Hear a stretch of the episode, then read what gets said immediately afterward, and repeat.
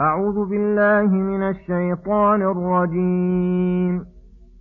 الذين قال لهم الناس إن الناس قد جمعوا لكم فاخشوهم فزادهم إيمانا وقالوا حسبنا الله ونعم الوكيل.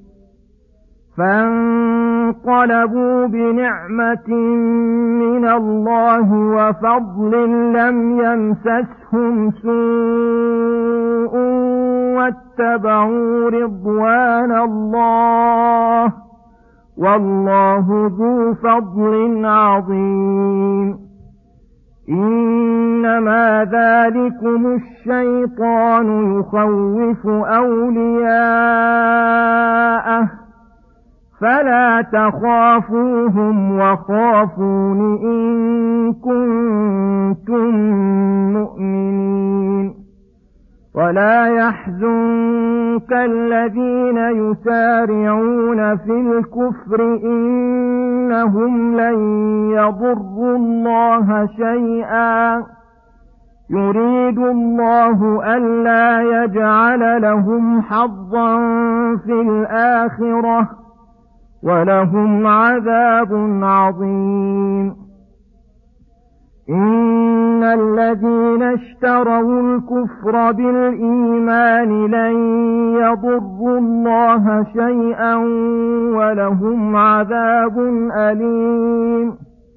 ولا يحسبن الذين كفروا أنما نملي لهم خير لأنفسهم إنما نملي لهم ليزدادوا إثما ولهم عذاب مهين بسم الله الرحمن الرحيم السلام عليكم ورحمة الله وبركاته. يقول الله سبحانه الذين استجابوا لله والرسول من بعد ما أصابهم القرح للذين أحسنوا منهم واتقوا أجر عظيم الآيات. لما رجع النبي صلى الله عليه وسلم من أحد إلى المدينة ندب أصحابه إلى الخروج فخرجوا على ما بهم من الجراح استجابة لله ولرسوله. فوصلوا إلى حمراء الأسد وجاءهم من جاءهم وقال لهم إن الناس قد جمعوا لكم وهموا باستئصالكم تخويفا لهم وترهيبا فلم يجدهم ذلك إلا إيمانا بالله واتكالا عليه وقالوا حسبنا الله أي كافينا كل ما أهمنا ونعم الوكيل المفوض إليه تدبير عباده والقائم بمصالحهم فانقلبوا أي رجعوا بنعمة من الله وفضل لم يمسسهم سوء وجاء الخبر المشركين أن الرسول وأصحابه قد خرجوا إليكم ونجوا من تخلف منهم. فألقى الله الرعب في قلوبهم واستمروا راجعين إلى مكة. فرجع المؤمنون بنعمة من الله وفضل حيث من عليهم بالتوفيق للخروج بهذه الحالة والاتكال على ربهم. ثم إنه قد كتب لهم أجر غزاة تامة فسبب إحسانهم بطاعة ربهم وتقواهم عن معصيته لهم أجر عظيم. ثم قال تعالى إنما ذلكم الشيطان يخوف أولياءه. أي إن ترهيب من رهب من المشركين فقال إنهم جمعوا لكم داع من دعاة الشيطان يخوف أولياءه الذين علم إيمانهم أو ضعف فلا تخافوهم وخافون إن كنتم مؤمنين. أي فلا تخافوا المشركين أولياء الشيطان فإن نواصيهم بيد الله لا يتصرفون إلا بقدره بل خافوا الله الذي ينصر أولياءه الخائفين إياه المستجيبين لدعوته. وفي هذه الآية وجوب الخوف من الله وحده. وأنه من لوازم الإيمان فعلى قدر إيمان العبد يكون خوفه من الله والخوف المحمود ما حجز العبد عن محارم الله. كان النبي صلى الله عليه وسلم حريصا على الخلق مجتهدا في هدايتهم وكان يحزن إذا لم يهتدوا. قال الله تعالى ولا يحزنك الذين يسارعون في الكفر من شدة رغبتهم فيه وحرصهم عليه إنهم لن يضروا الله شيئا فالله ناصر دينه.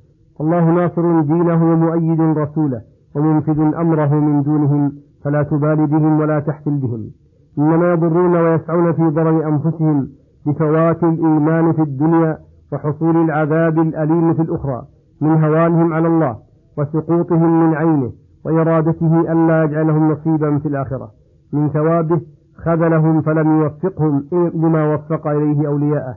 إن أراد به خيرا عدلا منه وحكمة لعلمه بأنهم غير زاكين على الهدى ولا قابلين الرشاد لفساد أخلاقهم وسوء قصدهم. ثم أخبر أن الذين اختاروا الكفر على الإيمان ورغبوا فيه رغبة من رغبة من يذل رغبة من بذل ما يحب من المال في شراء ما يحب من السلع. لن يضر الله شيئا بل ضرر فعلهم يعود على أنفسهم ولهذا قال ولهم عذاب أليم. وكيف يضرون الله شيئا؟ وهم قد زهدوا أشد الزهد في الإيمان ورغبوا كل الرغبة بالكفر بالرحمن فالله غني عنهم. وقد قيض لدينه من عباد الأبرار الأزكياء سواهم وأعد لهم من ارتضاه ونصرته أهل البصائر والعقول وذوي الألباب والرجال الفحول. قال الله تعالى قل آمنوا به أو لا تؤمنوا إن الذين أوتوا العلم من قبله إذا يتلى عليهم يخرون الأذقان سجدا الآيات. ثم يقول سبحانه ولا يحسبن الذين كفروا أنما نملي لهم خير لأنفسهم إنما نملي لهم ليزدادوا إثما ولهم عذاب مهين. أي ولا يظن الذين كفروا بربهم ونابذوا دينه وحاربوا رسوله أن تركنا إياهم في هذه الدنيا وعدم استئصالنا لهم وإملائنا لهم خير لأنفسهم وحبة منا لهم.